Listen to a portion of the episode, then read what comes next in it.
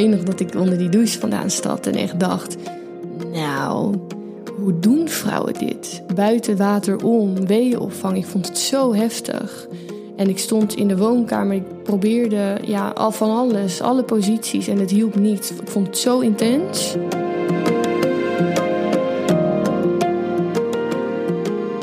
Hoi, je luistert naar seizoen 5 van Potnataal. De podcast waarin je bekende en onbekende vrouwen over één van de belangrijkste gebeurtenissen in hun leven hoort vertellen: de bevalling. Je hoort in deze podcast alleen maar superleuke vrouwen die hun verhaal open en eerlijk met jou willen delen. Laat je inspireren, voel je gesteund en verbonden met al deze prachtige vrouwen. Ik hoop dat dat je een beetje helpt in de voorbereiding of de verwerking van je bevalling, of misschien wel allebei. Je zult horen dat het er op sommige vlakken bij iedereen weer anders aan toe gaat en tegelijkertijd zijn er ook weer zoveel herkenningspunten, omdat sommige gevoelens nou eenmaal universeel zijn. En dat gevoel van voor het eerst moeder mogen worden, dat is gewoon magie. Mijn naam is Simone Wijnands en ik ben moeder van een zoon en een dochter en ik maak potnataal. En dit is het verhaal van Nini. Ik ben Nini Ezinga, ik ben 28 jaar en ik woon in Amsterdam. Ik kom oorspronkelijk uit uh, Sauwert, klein boerendorpje boven Groningen. En uh, ik werk als social media specialist, deels uh, freelance, maar ook uh, in loondienst. En op 1 juni 2020 ben ik bevallen van mijn zoontje, Eli J. Korthals. Nini en ik volgden elkaar al een tijdje op Instagram toen we eigenlijk tegelijkertijd op hetzelfde idee kwamen. Ik dacht op een ochtend: zal ik haar vragen of ze het leuk zou vinden om haar verhaal hier te delen? En ik zweer het je, ongeveer op hetzelfde moment stuurde ze mij een DM of ik het leuk zou vinden om haar verhaal op te nemen in de podcast. Dus ik zei: ja, natuurlijk. Dat was heel snel beklonken. En hoewel ik een beetje een haat-liefdeverhouding heb met social media, is dit nou net een van de dingen die ik er zo tof aan vind. Dankzij Instagram en uiteraard deze podcast heb ik al zoveel leuke nieuwe vrouwen erbij gekregen in mijn leven. En Nini is er zeker één van. Als we elkaar voor het eerst in het echt zien, voelt het toch een beetje alsof we elkaar al kennen. Nini is een prachtige vrouw met een engelachtig gezicht en een hele lieve stem, zoals je kunt horen. We praten over haar bevalling iets meer dan een jaar geleden. En nog voordat die bevalling echt begint, voelt ze al wel dat het eraan zit te komen. Zonder het echt uit te spreken, wist ik eigenlijk dat het dat desbetreffende weekend zou gebeuren. En um, ik had voor de bevalling heel sterk het gevoel dat ik mijn moeder er niet bij wilde hebben. Ik dacht echt, ik wil dit alleen doen met mijn partner, Jason. Um, maar gek genoeg, dat weekend zei mijn moeder: hey, ik, ik kom naar Amsterdam. En toen dacht ik, ja, dat, dat is goed, dat voelt goed. En we bespraken allebei niet waarom ze dan naar Amsterdam kwam, maar ze kwam. Um, en toen begonnen eigenlijk zaterdagnacht begonnen uh, de eerste weeën. En um, ja, dat was eigenlijk een beetje de voorbode van dat Eli dus zou komen. Het lijkt of zowel Nini als haar moeder onbewust het voorgevoel hadden dat haar bevalling snel zou beginnen. Ze hoeft niet uit te spreken dat ze haar moeder nodig heeft, want die voelt dat perfect aan. Mijn moeder is sowieso wel echt heel gevoelig, dus zij kan ook echt uh, op echt hele ja, random momenten, als ik, als ik niet lekker in mijn vel zit, dan kan zij ineens bellen van hey, gaat alles goed? Dat ik denk van hmm, hoe weet jij dit? Maar dat is dan denk ik toch uh, ja, heel, een heel sterk moedergevoel vanuit haar. Het moederinstinct is toch een geweldig en tegelijkertijd ongrijpbaar iets. Nines moeder blijft logeren. Het is hoogzomer en bloedheet buiten. Diezelfde nacht beginnen de weeën. Maar het zette niet echt door. Het was echt uh, een beetje om het kwartier viel ik weer in slaap. Uh, had, voelde ik er weer één. Uh, viel ik weer in slaap. En de volgende ochtend merkte ik echt van dit appt weg. Um, en dat voelde ook allemaal heel logisch. Omdat ik zoiets had van ik denk gewoon dat ik ja, het gaat bij mij grotendeels s'nachts gebeuren, dacht ik. Ja. Ehm, dus toen het ochtend werd en licht, voelde dat ook niet raar dat het stopte. Ik dacht van oké, nou ja, dit, dit klopt ook wel. En toen is die dag, eh, is mijn, mijn schoonmoeder is nog langsgekomen uh, met de oma van Jason. En toen hebben we nog een patatje gehad bij de Febo. Zijn we daarheen gelopen. En ondertussen bleven dus wel, um, ja, die, die voorweeën bleven wel een beetje komen en gaan. Ze is op dat moment zo rond de 38 weken zwanger. Maar het voelt voor haar heel logisch dat de bevalling eerder dan de uitgerekende datum begint. En dit klinkt ook een beetje gek, maar het voelde voor mij al best wel een tijdje. Gewoon echt al een aantal weken van oké, hij, is, hij is klaar. En hij. Um, als het nu zou gebeuren, dan is dat helemaal goed, want hij is daar klaar voor. Dat gevoel had ik heel sterk. Dus het verbaasde me ook niet dat die, dat die weeën toen dus op een gegeven moment begonnen. Nee. Um, maar toen zijn we dus een patatje nog gaan halen. Ondertussen een paar pauzes, omdat ik wat weeën moest wegpuffen. Hebben we dat uh, patatje gegeten, teruggelopen. Um, had ik zelfs nog heel sterk, want ik had een kappersafspraak staan eigenlijk die dag. Dat ik naar de kapper wilde en dacht van nou prima, dan puff ik mezelf wel uh, door die weeën heen. Maar dat Jason echt moest zeggen van nou dat gaan we niet doen natuurlijk. En mijn moeder van nou dat is heel raar. En jij balen natuurlijk, want Ja, ik je wilde natuurlijk echt. eigenlijk gewoon helemaal netjes gekapt. eh. Echt zo. Het klinkt stom, maar dat had ik heel erg. Ik dacht van ik wil gewoon, eh, mijn haar moet goed zitten. En eh, ik wil me gewoon mooi voelen als die bevalling begint. Maar eh, nee, dat kappersbezoek zat er niet in. Dus afgezegd. En ehm, ja, die avond ging we best wel laat slapen. Ik denk, eh, nou ja, rond uur of elf, half twaalf. En toen merkte ik gelijk van, ik voel me comfortabel. Ik, eh, ik voel me veilig knuffelde met Jason en het begon gewoon sneller te komen. Toen dacht ik van oké, ik denk dat dit nu de nacht gaat zijn. Overdag heeft ze nog even contact gehad met haar verloskundige, maar omdat de weeën nog niet heel regelmatig zijn, is het nog niet nodig om langs te komen. In de nacht komen de weeën pas echt goed op gang. Ze maakt haar vriend bewust nog niet meteen wakker. Hij had dus die nacht daarvoor ook heel slecht geslapen, omdat ik steeds dacht van gaat het gebeuren, gaat het niet gebeuren. Ehm, dus ik dacht ik laat hem eerst slapen. Ik ga onder de douche zitten op mijn, eh, mijn bal. Ehm, dus daar ben ik gaan zitten en ehm, heb ik ongeveer een uurtje alleen gedaan, denk ik. Toen had ik zoiets van: oké, ik merk dat ze echt wel sneller komen. Dat er misschien drie, vier minuten tussen die weeën zitten. Dus misschien nu toch wel tijd om dat te gaan timen, echt. Want ik zat natuurlijk onder de douche, dus ik kon niet op mijn telefoon kijken Nee. steeds.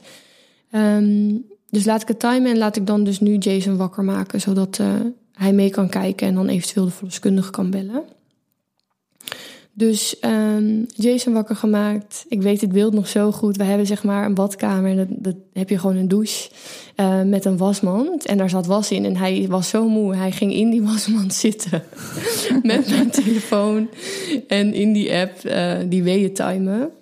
En eh toen hebben we dat een uur volgehouden. En toen hadden ze iets van, ja, ze komen nu ook gewoon echt wel steady om de drie minuten. Dus toen de verloskundige gebeld.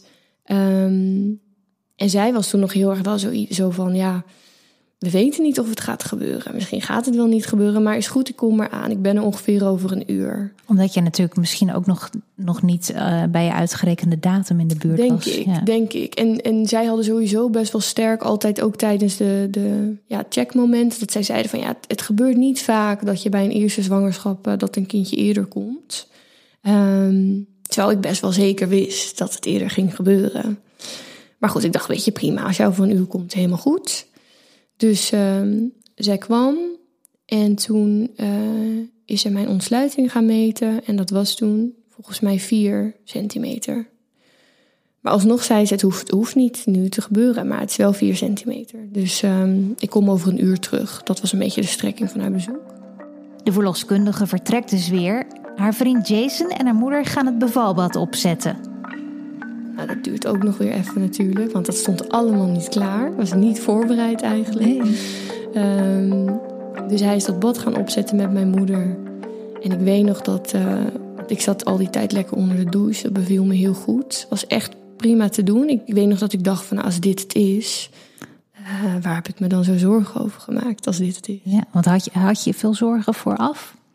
Nou, ik weet nog toen ik uh, voorafgaand aan mijn zwangerschap en toen ik net zwanger was, had ik wel echt veel zorgen. Het was echt iets waar ik, ja, ik denk uh, mezelf ook wel veel uh, ja, stress over heb gegeven. Ook gewoon door, weet je, horrorverhalen en mensen in mijn omgeving. Gewoon de ergste van de ergste verhalen. Te veel dat soort verhalen besproken. Dus ik had wel echt veel angst.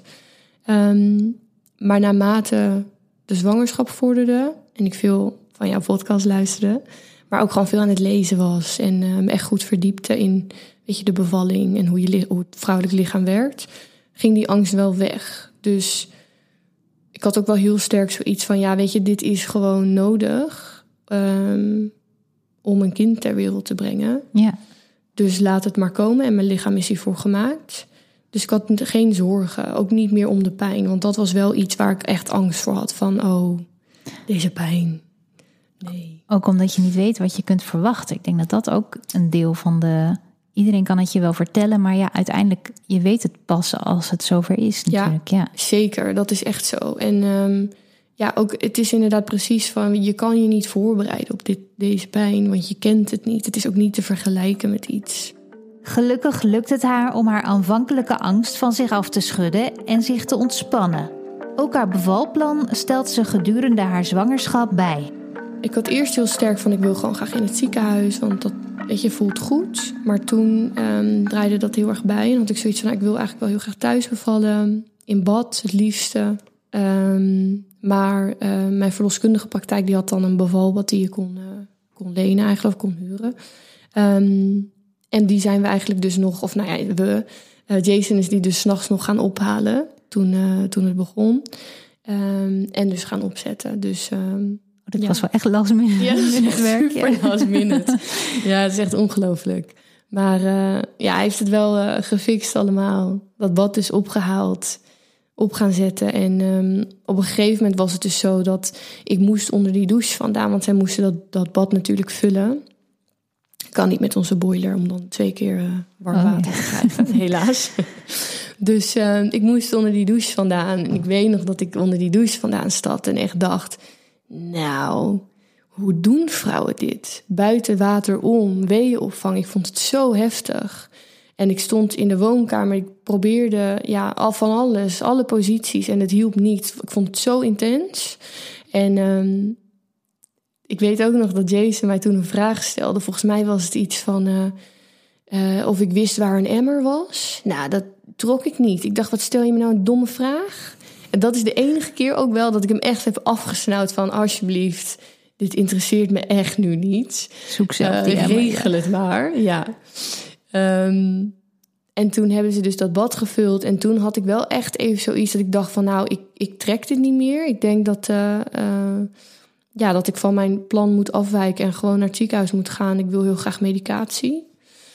Um, maar vond ik zielig, want ik dacht van ja, zij hebben net een uur lang dit bed staan of uh, dit bad staan uh, opzetten en vullen met water. Dat kan ik niet maken. dat is ook alweer heel grappig dat, dat je daar dan over nadenkt. Ja. Echt zo, ja. Maar ik dacht, weet je, ik ga het gewoon proberen en als het echt niet lukt, dan gaan we naar het ziekenhuis. En ik stapte in het water en meteen weer echt gewoon ja, ik voelde me 10 kilo lichter. Ik dacht, dit is weer net zo fijn als onder de douche. Dus ik vond dat echt een wereld van verschil. Het warme water doet zijn werk. Nini kan zich weer enigszins ontspannen nu ze lekker in het bad ligt. Hoe lang ze erin ligt, weet ze niet meer precies, omdat alles een beetje in een waas voorbij trekt. Voor haar gevoel staat de verloskundige opeens weer aan het bad. Ze voelt zich op dat moment behoorlijk uitgeput. Ze heeft natuurlijk al 24 uur lang weeën gehad en net in het bad heeft ze ook weer behoorlijk pittige weeën op moeten vangen. Het voelt alsof ze het niet heel lang meer vol gaat houden. Ik dacht, ja, dit moet niet veel erger worden meer. En um, zij, zij is mijn uh, ontsluiting weer gaan meten. En toen zei zij tegen mij: Je hebt uh, 4, 5 centimeter. Oh, dus nog niet zoveel nee, erbij dat was, dat was één centimeter erbij. Ja. ja, dat was echt... Daar baalde ik zo van. En het stomme is ook dat ik... Ik had van tevoren best wel sterk van... Oké, ik wil eigenlijk mijn ontsluiting niet laten, laten opmeten. maar op het moment voelde dat toch wel gewoon goed. Maar toen zij dus zei van je zit nog steeds op nou ja, vier, misschien vijf centimeter. Toen baalde ik wel dat ze dat had gezegd eigenlijk. Of nou ja, het is natuurlijk was aan mij, want ik wilde het weten. Ehm, want toen had ik wel echt van oké, dit ga ik niet. Als ik dit nu nog een keer zo lang moet doen, dat ga ik gewoon niet volhouden. Ehm, en toen gaf eigenlijk de verloskundige mij de aanbeveling dat ze zei van ja, ik zou eigenlijk nu gewoon heel graag je vliezen willen breken. Want dan gaat het sneller. Ehm, maar daar had ik ook best wel een sterke mening over. Omdat ik dacht van ja, ik weet gewoon dat dat heel vaak kan resulteren in een weeënstorm. En dat kan ik nu gewoon niet aan als dat gebeurt. Dus ehm, ben ik eerst, heb ik die vraag gesteld aan Jezus van wat denk jij dat ik moet doen? Moet ik mijn vliezen nu laten breken hier thuis? Of zal ik naar het ziekenhuis gaan? Maar hij kon mij gewoon niet helpen met die vraag. Hij zei van ja, dit is echt iets. Ik, ik, kan je, ik durf je niet te adviseren op dit vlak. Dus toen is hij mijn moeder gaan wakker maken. En dat is ook heel grappig, want hij zei dat uh, hij maakte haar wakker en zij schrok echt wakker. En ze zei: Is hij er al? Maar dat was dus niet ja, zo. Ja, dat dacht ze natuurlijk. Hè? Van, ja, oh god, ja, dit is, wat, uh, dit is gebeurd. Ja, ja precies. Dus uh, toen kwam zij erbij. En ik ben dat gaan overleggen en zij zei van ja, ik zie hoe moe je bent. Ik denk dat het gewoon tijd is dat we naar het ziekenhuis gaan. Um, en dat je dan medicatie kan, kan nemen en dan je vliezen kan laten breken. Dus dacht ik, ja, dat is nu ook gewoon wat goed voelt voor mij. Um, dus toen ben ik uh, in mijn blootje, in mijn badjas, in de lift gestapt vluchttas mee in de auto. En gelukkig, um, ik woon best wel dicht bij, uh, bij het ziekenhuis waar ik ben bevallen. Dat is het OVG West. En uh, nou, dat is misschien, ik denk nog geen vijf minuten rijden. Maar ja, je kent het, dat is gewoon, die rit duurt oneindig lang. Want ondertussen zetten de weeën natuurlijk gewoon door. Nini's moeder is ook mee. Ze hebben geluk, want vlak ervoor is namelijk het corona-advies aangepast over hoeveel mensen aanwezig mogen zijn bij de bevalling. Ze mag er dus gewoon bij zijn. Ja, ook dat voelde heel goed. Ik wilde haar gewoon ineens wilde ik haar er heel graag bij hebben. Um, dus ik was heel blij dat zij mee mocht. Omdat ik al wel had gemerkt van ja, jij, jij biedt mij toch een andere soort mentale support dan uh, dat Jason mij kan geven. Ja. Allebei heel waardevol natuurlijk, maar op een andere manier. Nini en haar vriend kenden elkaar nog niet zo heel lang voordat ze zwanger raakten. Maar samen die bevalling doormaken heeft hun band alleen maar versterkt het voelde met hem al überhaupt, zeg maar, het, het, het moment dat, ik, ja, dat we erachter kwamen dat ik zwanger was. Het voelde allemaal gelijk heel goed en heel vertrouwd. Um, dus ook dit soort dingen waren heel logisch en dat voelde ook niet onwennig. Het was echt, um, ja, ja, ik vind het altijd moeilijk om uit te leggen, maar onze mentale connectie is echt heel sterk. Gewoon echt zo sterk. Ik heb dat nog nooit met iemand zo gevoeld. Dus ook al kende ik hem op dat moment kort, ik ken hem nu nog steeds kort. Um, maar ja, ik was wel echt zo overtuigd van dat gevoel dat ik dacht van ja, dit is gewoon allemaal, het voelt goed en uh, ik ben blij dat je erbij bent. Ja. Dus um, ja, die combinatie van dan en mijn moeder en hij, dat was gewoon heel fijn. Ja, en je moeder die kon jou gewoon precies aanvoelen. Ja, en ja. Zij, zij kent mij natuurlijk. Zij weet hoe een lage pijngrens ik heb. Um, ja, dus dat is, uh, ja, ze vulden elkaar goed aan. En ze hebben elkaar ook heel goed leren kennen die nacht. Dat is ook wel heel grappig, want zij kennen elkaar natuurlijk ook niet lang. Uh, maar die hebben ook wel echt naar elkaar gesnauwd. En dat is nu, hun band is nu gewoon goed. Uh, heel goed. En dat is natuurlijk heel leuk ook om te zien dat dat dan mede door zo'n ervaring komt. Nini wil graag haar badbevalling voortzetten in het bevalcentrum, wat vastzit aan het ziekenhuis. Bij aankomst staat het bad dan ook al klaar. Het bad was al gevuld. en dus zei de verloskundige tegen mij: is van nou, laten we dan nu je vliezen breken. En daar was ik wel een beetje bang voor, omdat ik gewoon al ik voelde gewoon letterlijk aan mijn wateren aan ehm, dat, er, dat het heftig ging worden. En ehm, toen brak ze mijn vliezen. Toen gebeurde meteen dat waar ik bang voor was. Het kwam heel hard allemaal. Echt heel overweldigend kwam het allemaal binnen. Gewoon zo overweldigend dat ik echt moest overgeven van de pijn. Um, ben ik in dat bad uh, gaan zitten. En toen was dat, ik denk dat was misschien vind ik ook moeilijk inschat. Ik denk dat het een half uur, misschien een uur is geweest. Dat vond ik echt het zwaarste uur, omdat ik daar heel veel pijn had. Um, en niks het meer kon verlichten op dat moment. En ik dus echt wel moest beslissen van oké, wat gaan we nu doen? Want dit hou ik zo niet vol. Ze vraagt om pijnstilling en besluit na overleg om eerst eens te beginnen met lachgas. Ik vond dat heel heftig. Ik had me er wel een beetje in verdiept, maar ik ken het alleen maar als een soort van partydrug. uh, en ik weet gewoon als je dat, of tenminste, ik kon me inbeelden als jij urenlang aan een lachgasdenk zuigt. Dat kan niet goed zijn voor je hersenen, laat staan zijn voor je kind. Dus ik was heel voorzichtig met het inhaleren van die lachgas. Um, en daardoor werkte het ook niet goed. En dat bleek achteraf, van het werkte niet, het verlichtte niks. Um, en toen dat dus niet werkte, had ik heel stellig zoiets van: ik wil gewoon nu een ruggenprik. Even goed om te weten is dat lachgas tijdens een bevalling altijd maar een beperkte tijd gebruikt mag worden. En het is verder absoluut niet schadelijk voor je kindje en jezelf als het juist en gedoseerd wordt gebruikt, zoals dat in het ziekenhuis het geval is. Maar heb je hier nou vragen over? Stel ze dan voorafgaand aan je verloskundige, zodat je goed op de hoogte bent van de werking van de soorten pijnbestrijding die er zijn. Want ja, tijdens je bevalling ga je die folder echt niet meer lezen. Maar Nini overweegt inmiddels dus een ruggenprik. Maar toen zei de verloskundige van ja, weet je, als, als we dat gaan doen, dan moet je wel realiseren dat je eerst um, drie kwartier aan de CTG-scan moet buiten het bad. En dan kan het nog wel eens eh, weer drie kwartier duren voordat de anesthist er is. Nou, toen ik dat hoorde, dacht ik, nog anderhalf uur met deze pijn. Dat wil ik gewoon niet. Dat, uh, ik dacht echt, toen dacht ik echt even, dan ga ik dood. Echt mega dramatisch, maar zo voelde dat op dat moment. Dat dacht ik. Um, dus zij zei tegen mij van, nou, probeer nog één keer echt even goed die lachgas. Probeer het gewoon. Dacht ik, nou oké, dan gaan we dat doen. Dus ik die kap opzetten. Ik ben echt heel hard gaan inhaleren. Gewoon echt als een bezetene. Ja, en toen werkte het. Toen merkte ik van oké, ja, ik voel verlichting.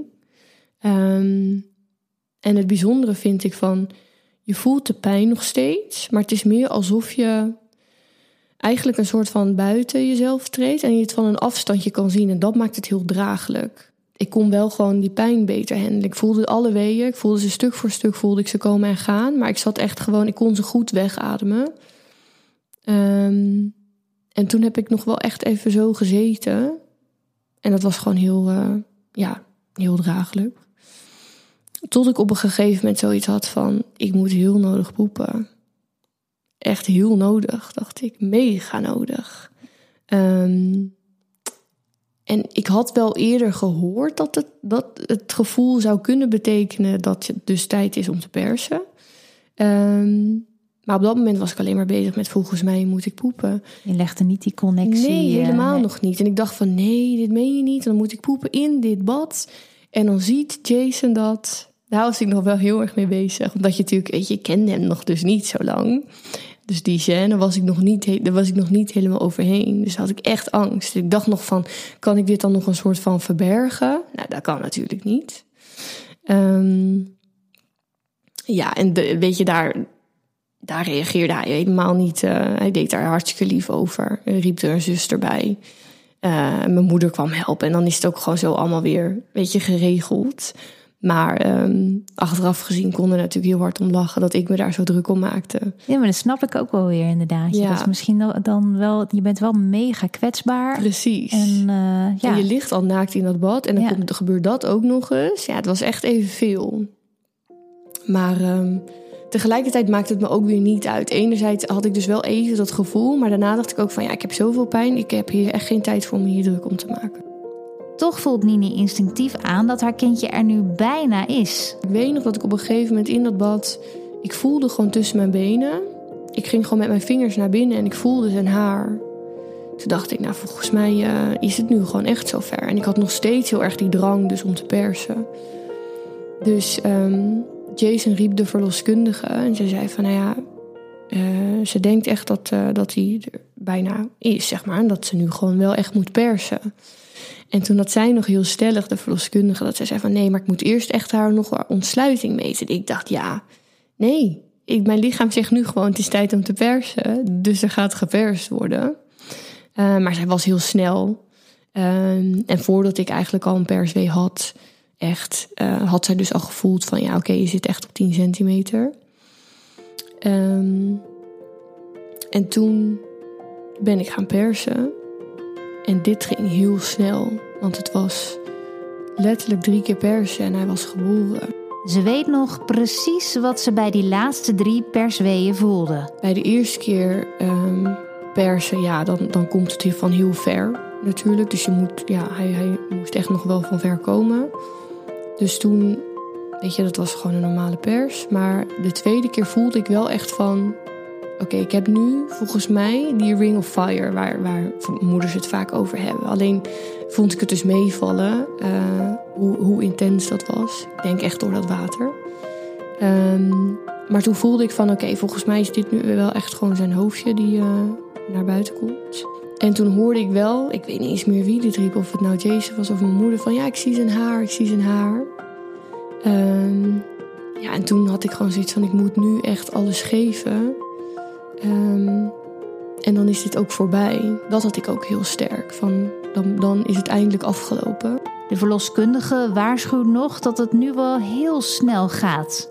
Want als het heel snel gaat, dan is er soms een wat grotere kans op uitscheuren. En nu ik daar dan bij stilsta, heb ik niet echt naar geluisterd. Dat ik gewoon te sterk het gevoel had van... oké, als ik nu gewoon heel erg mijn best doe, dan lukt het misschien.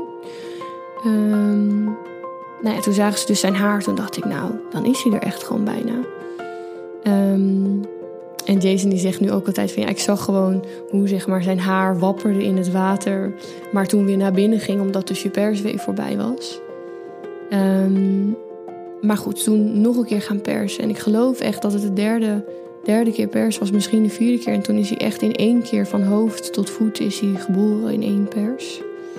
Um, maar ik weet nog dat ik zag wel, want ik had de hele tijd eigenlijk mijn ogen dicht gehad. Maar toen voelde ik me heel opgelucht, dus ik opende mijn ogen en ik zag de verloskundige naar haar assistent kijken. Zo van, in één keer.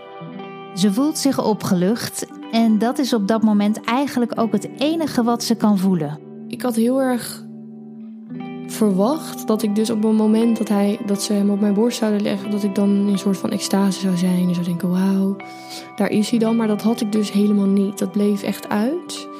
Ze legde op mijn borst. Het enige wat ik kon denken was: het is eindelijk voorbij, het is eindelijk voorbij.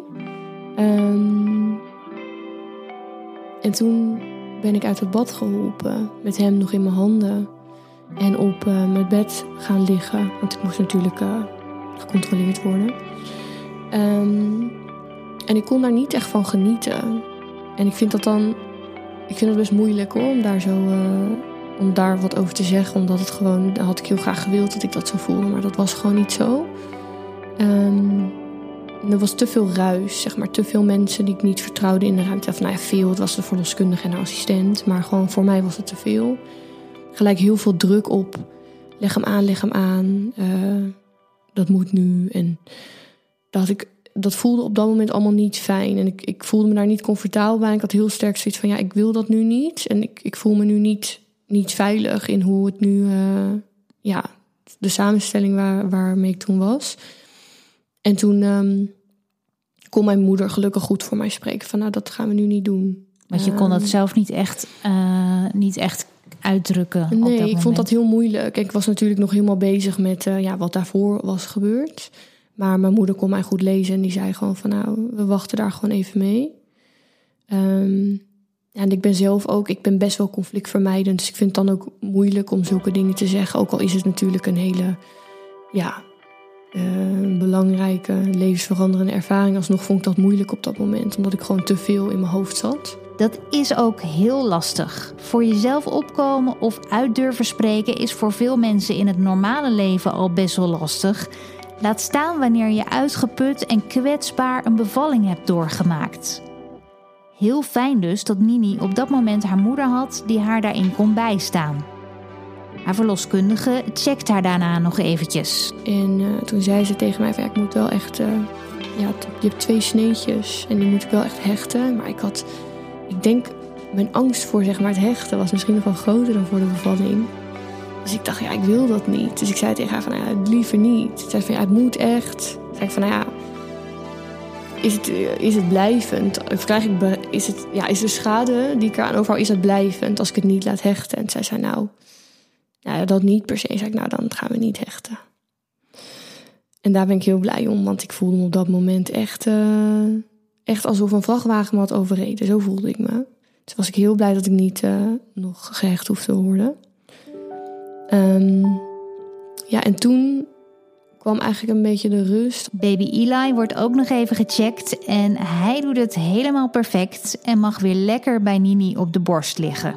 Ze voelt zichzelf ook rustiger worden, maar ze voelt nog steeds te veel druk om hem ontspannen aan te kunnen leggen. Ik dacht echt van ik wil dit gewoon thuis straks doen. Um, want ik was echt in de veronderstelling dat ik wel binnen een kwartier weer naar buiten kon zelf lopen.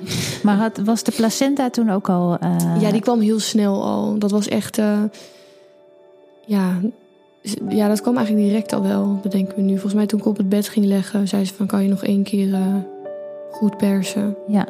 En dat deed ik en toen kwam de placenta. En wat ik wel jammer vind, is zij zei toen van... ja, wil je dit, wil je dit bewaren? En toen zei ik nee, ik hoef het niet. Maar achteraf gezien vind ik wel jammer. Ik had daar wel een plant op willen planten bijvoorbeeld. Oh ja. Dat had ik wel mooi gevonden, symbolisch. Um, maar dat had ik allemaal niet uitgedacht. Dus op dat moment dacht ik, nee.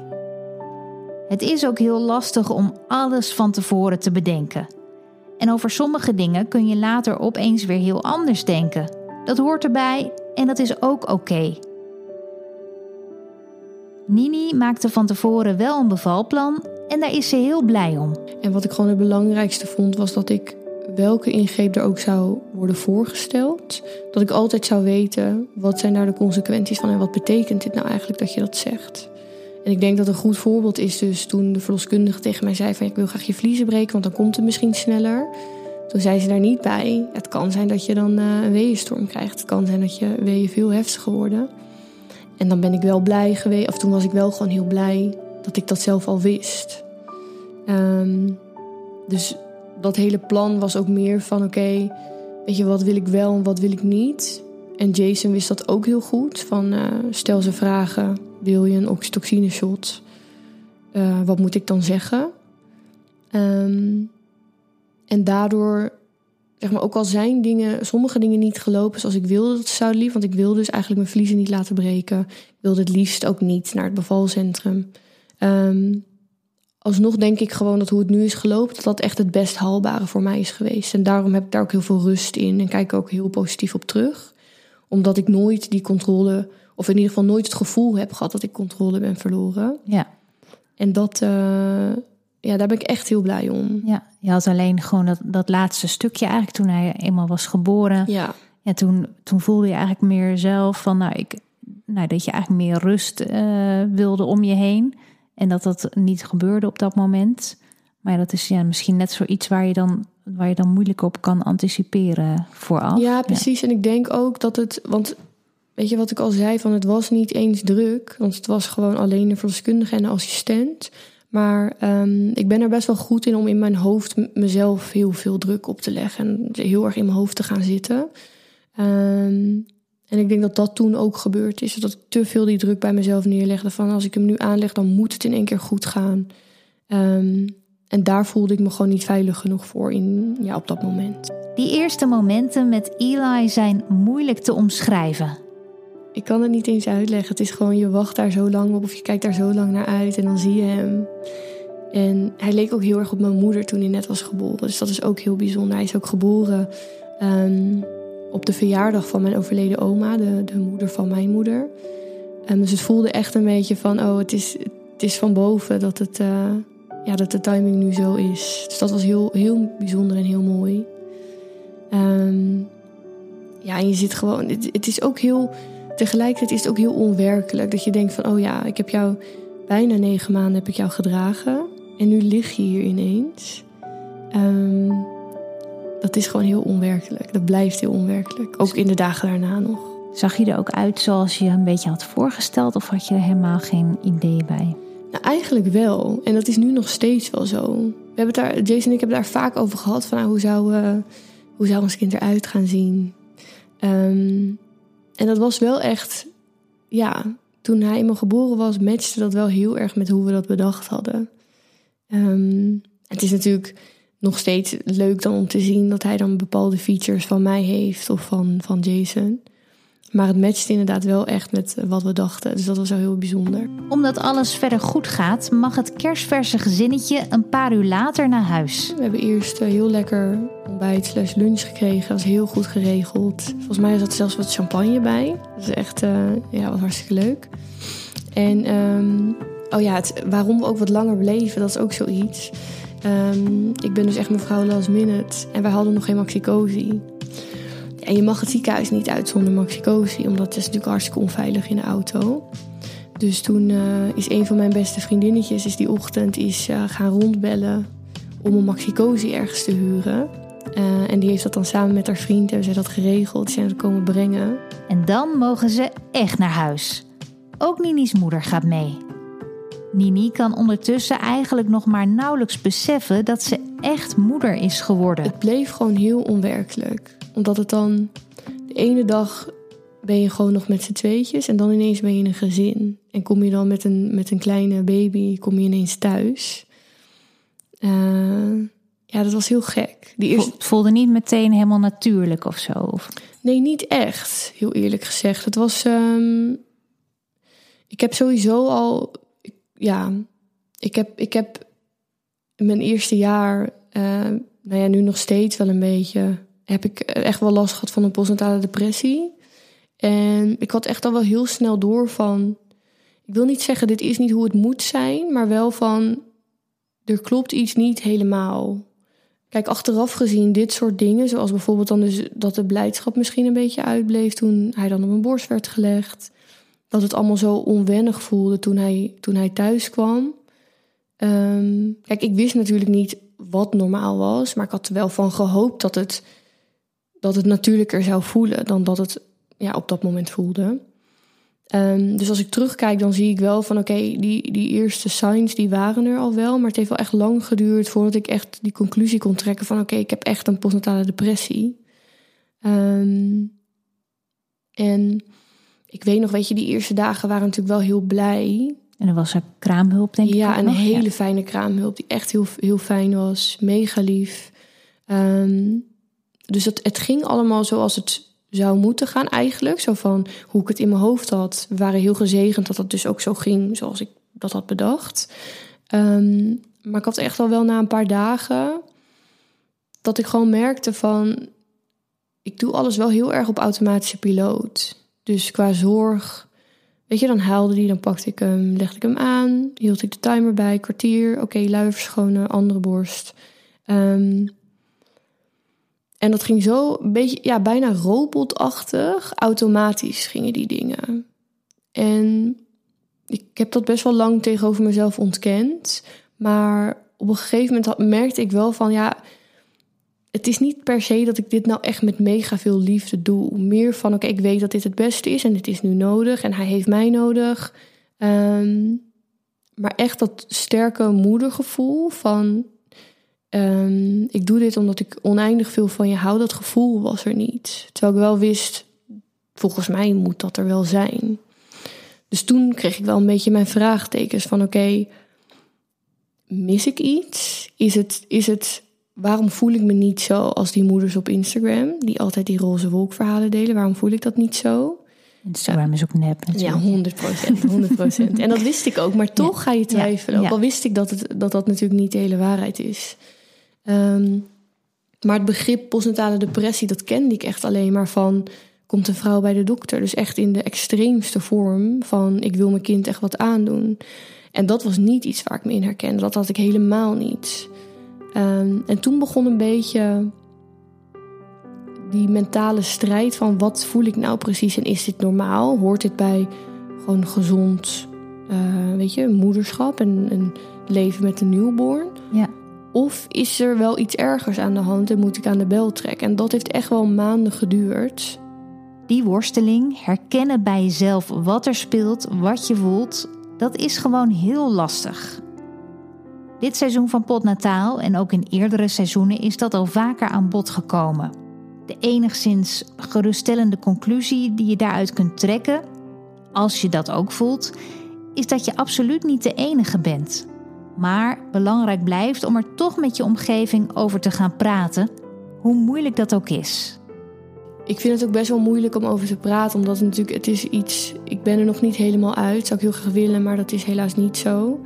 Ehm, maar ik kan bijvoorbeeld heel moeilijk. Daar kan ik echt heel emotioneel voor worden. Als ik bijvoorbeeld terugkijk naar, naar foto's van die eerste maanden. Ehm, ik, word er gewoon nu emotioneel van om het over te hebben. Maar dan.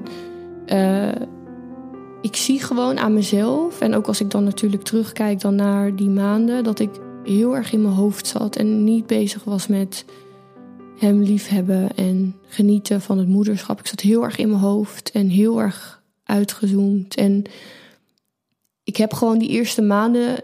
Het klinkt heel stom, want ik was er natuurlijk wel bij, maar ik heb ze niet bewust echt meegemaakt, omdat ik zo in mijn hoofd zat. En dat doet wel echt pijn als ik dan nu terugkijk.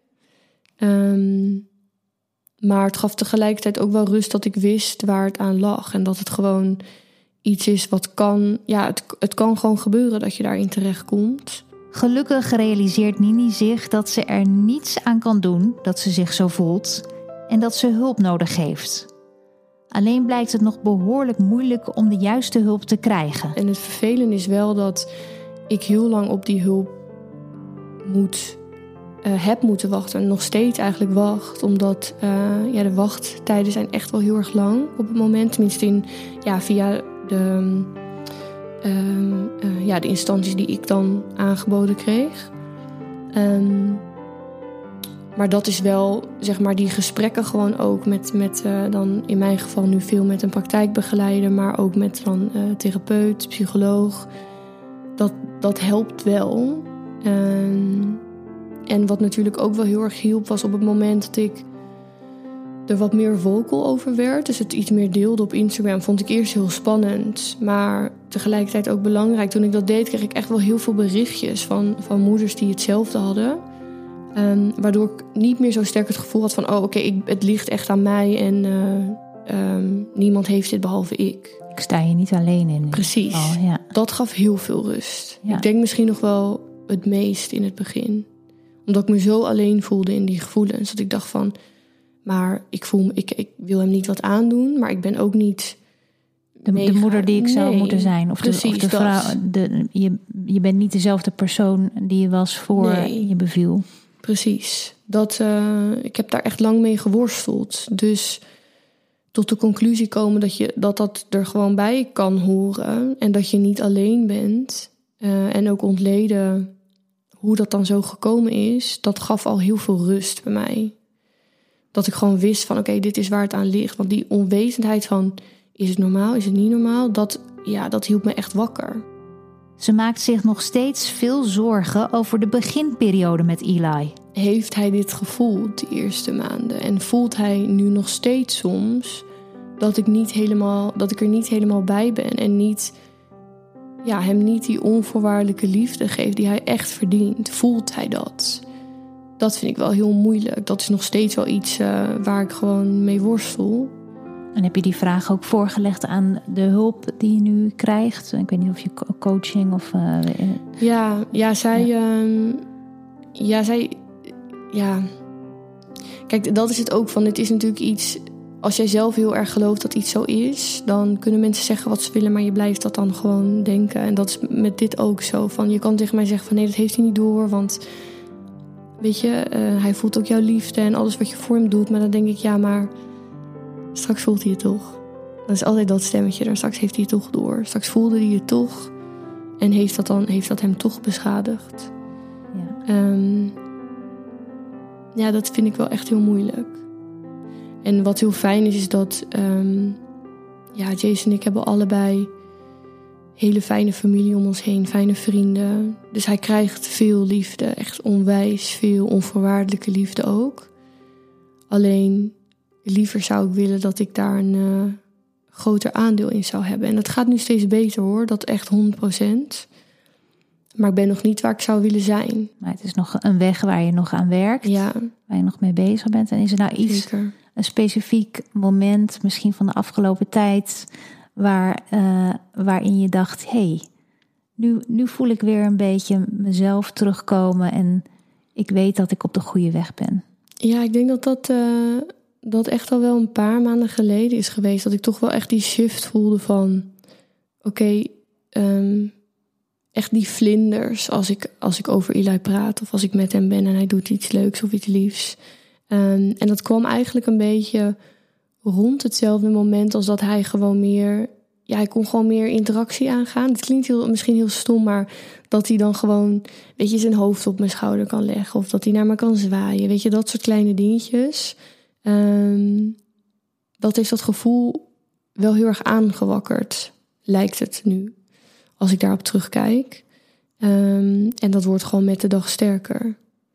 En dat is wel echt iets waar ik dankbaar voor ben. Omdat ik, weet je, als je midden in zo'n depressie zit, dan voelt het een beetje van: oké, wanneer komt hier een eind aan en komt hier een eind aan? Maar dat dus dat je dan dat soort gevoelens ineens hebt en het voelt dan zo goed um, en zo natuurlijk ook vooral. Dan denk je wel van: oké, ja, ik heb, uh, ik heb hard gewerkt, maar het resultaat is er ook na, want ik, ik mag nu dit voelen. En hoe gaat het nu met Eli?